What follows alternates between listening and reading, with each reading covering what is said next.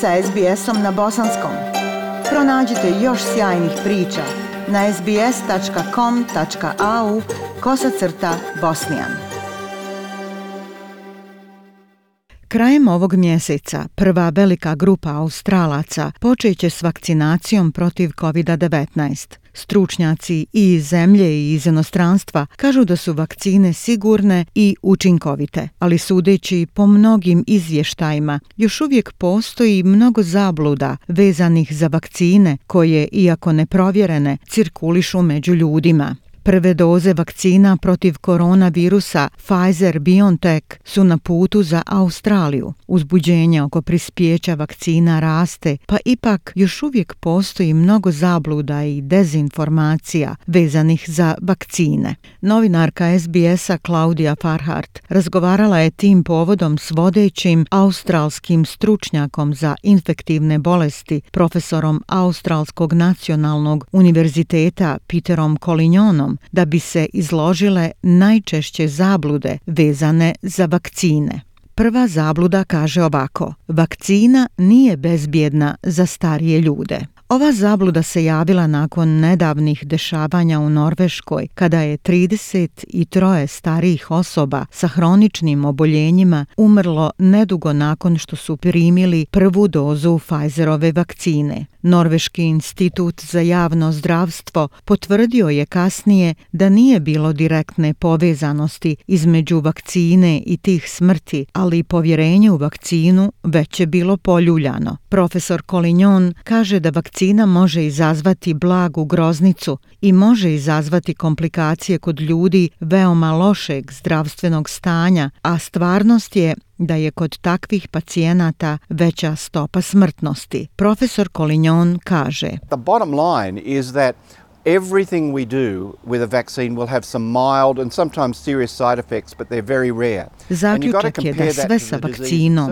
može da ima neke blage i ponekad neželjene efekte, ali veoma rijetko. Ti neželjeni efekti se uvijek moraju porediti s bolešću protiv koje se prima vakcina. Ako se osoba koja ima preko 85 godina i živi u staračkom domu zarazi covidom, u samom startu postoji više od 30% šanse da neće preživjeti. Zato će čak i u slučaju minimalnog rizika od smrti izazvane zbog dejstva vakcine, korist od njenog primanja biti daleko veća od bilo koje negativne strane vakcine. Prošlog mjeseca govorilo se o tome kako Oxfordova vakcina AstraZeneca nije sigurna za ljude preko 65 godina i glasine su pojačane odlukom Njemačke i Francuske da dozvole vakcinaciju jedino za ljude ispod 65 godina. Profesor Kolinjon kaže da se tu više radi o nedostatku podataka nego zabrinutosti o bezbjednosti ljudi. So far the AstraZeneca vaccine hasn't had as much approval Do sada je manji broj zemalja odobrio AstraZeneca vakcine nego Pfizerove, a razlog je taj što je većina studija o ovoj vakcini završena kasnije. Zato u momentu odobravanja stručnjaci konstatuju da imaju dovoljno podataka da mogu biti sigurni da je vakcina bezbjedna za određene starosne grupe, dok se za ostale još ne zna. Dakle, najvažnije je imati dovoljno podataka podataka, a svi podaci govore da će one biti djelotvorne i bezbjedne. Druga zabluda je ta da ćemo kroz vakcinu zapravo dobiti COVID. Profesor Kolinjon kaže da je to bukvalno nemoguće. The vaccine won't give you COVID because it doesn't contain live virus. None of the vaccines contain live virus or any um, variation of COVID. So Od vakcine nećete dobiti COVID jer ona ne sadrži živ virus. Nijedna od vakcina ne sadržava živi virus, niti bilo koju varijantu koronavirusa, pa je zaraza ovim virusom putem vakcine skoro nemoguća. Treća zabluda je ta koju ste vjerovatno čuli već toliko puta.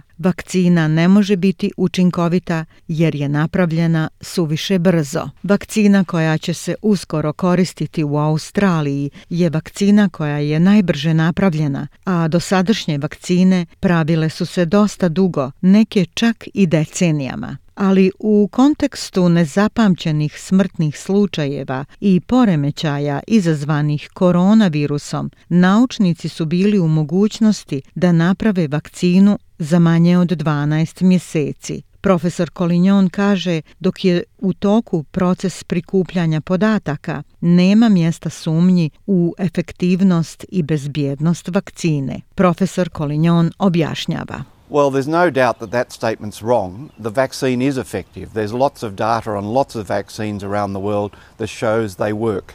Nema sumnje da je tvrdnja netačna. Vakcina je djelotvorna. Postoji mnoštvo podataka koji govore u prilog njene učinkovitosti. Sada one ne djeluju 100% na vrijeme, ali djeluju efikasno najmanje 60%, a mnoge su efikasne od 80 do 90 procenata, tako da one djeluju. Trebamo li više podataka? Naravno da trebamo, zato što postoje različite starosne grupe, naročito oni preko 80 80 godina za koje nam treba više podataka, a za djecu, na primjer, nemamo podataka. Da zaključim, da, pravimo velike korake naprijed i pravimo ih brže nego inače, još uvijek prikupljamo podatke o adekvatnoj bezbjednosti i efikasnosti vakcine. Ono što imamo za sada izgleda dobro. Sljedeću zabludu koja se tiče vakcina treba malo podrobnije objasniti, a tiče se toga da je AstraZeneca vakcina efikasna samo od 60 do 70 odsto i da nas ne može zaštititi. Za razliku od nje, Pfizerova vakcina je učinkovita 95%. Ovo pitanje je naročito zanimljivo pošto je Australija obezbijedila najveće količine upravo ove vakcine, pošto će se 50 miliona doza proizvesti u laboratorijama CSL-a u Melbourneu. Profesor Kolinjon kaže da vakcina ne može zaustaviti sve infekcije, ali može spriječiti da se ljudi ozbiljno razbole, a i lakša je za skladištenje i transport nego Pfizerova vakcina. Profesor Kolinjon objašnjava. The AstraZeneca vaccine is not as good at preventing all disease as the Pfizer vaccine, for instance, but it seems to be very good at stopping people from dying and getting severe disease. AstraZeneca vakcina nije toliko uspješna u prevenciji svih oboljenja kao Pfizerova, ali je ipak djelotvorna jer sprečava umiranje i razvijanje težeg oboljenja. A to je ono što nas najviše zabrinjava kod zaraze COVID-om. A po tom pitanju AstraZeneca je efikasna od 80 do 90 100%. Ona sprečava da se bolest završi smrtnim ishodom. Isto tako moramo imati na umu da se Pfizerova vakcina mora držati u posebnim zamrzivačima na temperaturi od minus 70 stepeni i u tome je prednost vakcine AstraZeneca koja se može čuvati neograničeno dugo u običnom frižideru. I upravo je to na kraju može učiniti jednako efikasnom kao što je Pfizerova, upravo zbog tog problema s hladnim lancem. Nedavni podaci iz Velike Britanije pokazuju da je vakcina blokirala 82% infekcije kada su se dvije doze dale u razmaku od 12 sedmica umjesto 4 sedmice, što pokazuje njenu efikasnost od 62%. Ali profesor Kolinjon kaže da ukoliko vakcina može spriječiti smrtni ishod bolesti, onda ne treba puno da se brinemo o infekcijama u budućnosti. You remember COVID has a death rate probably 5 to 10 times higher than influenza. Influenza mainly kills people in their 80s and 90s. Treba da imate na umu da je stopa smrtnosti od covid od 5 do 10 puta veća nego od gripa. Gripa uglavnom ubija ljude u njihovim 80. ili 90. godinama, ali COVID je puno gori od gripe. Tako da, ukoliko imamo išta da možemo značajno smanjiti smrtnu stopu, recimo 80 ili 90%, a što će vjerovatno vakcina AstraZeneca AstraZeneca i učiniti, onda je vrijedno da je imamo. Maske su dobra ideja ukoliko postoji veliki prijenos u zajednici. One vjerovatno samo smanjuju vaš rizik od 15 do 20%, ali ako imate nešto što umanjuje rizik od zaraze od 60 do 90%, bili biste blesavi da to ne iskoristite, jer je vakcina puno bolja zaštita nego se samo osloniti na masku. Peta zabluda koja je vezana za vakcine glasi ne treba da se vakcinišemo ukoliko smo već imali COVID-19. Tačno je da ste pobjedili infekciju COVID-19. Vaš imunni sistem je razvio antitijela koja su vam potrebna da vas zaštite od buduće infekcije i imate antitijela koja će vam dati i vakcina, ali mi još uvijek ne znamo koliko dugo će antitijela trajati. Profesor Kolinjon kaže da podaci ukazuju da će trajati jednu godinu, a vakcina bi trebala da produži zaštitu. If you sure you have had COVID because you've had a positive PCR test, then maybe you don't need the vaccine or you don't need to be in the front row or the front of the line. But Ako ste sigurni da ste imali COVID zato što ste imali pozitivan PCR test, možda i ne treba da se vakcinišete odmah. Ali isto tako ne postoje dokazi da je štetno ukoliko se revakcinišete, jer teoretski imaćete dodatnu zaštitu koja će trajati duže, pogotovo ako se budete redovno vakcinisali. I dolazimo do posljednjeg mita to jest zablude vezane za vakcinu, a ona je ta da vakcine onemogućavaju mogućnost trudnoće u budućnosti. Ne postoji dokaz da je jedna vakcina protiv koronavirusa koja je u upotrebi ili koja se još razvija može uticati na plodnost.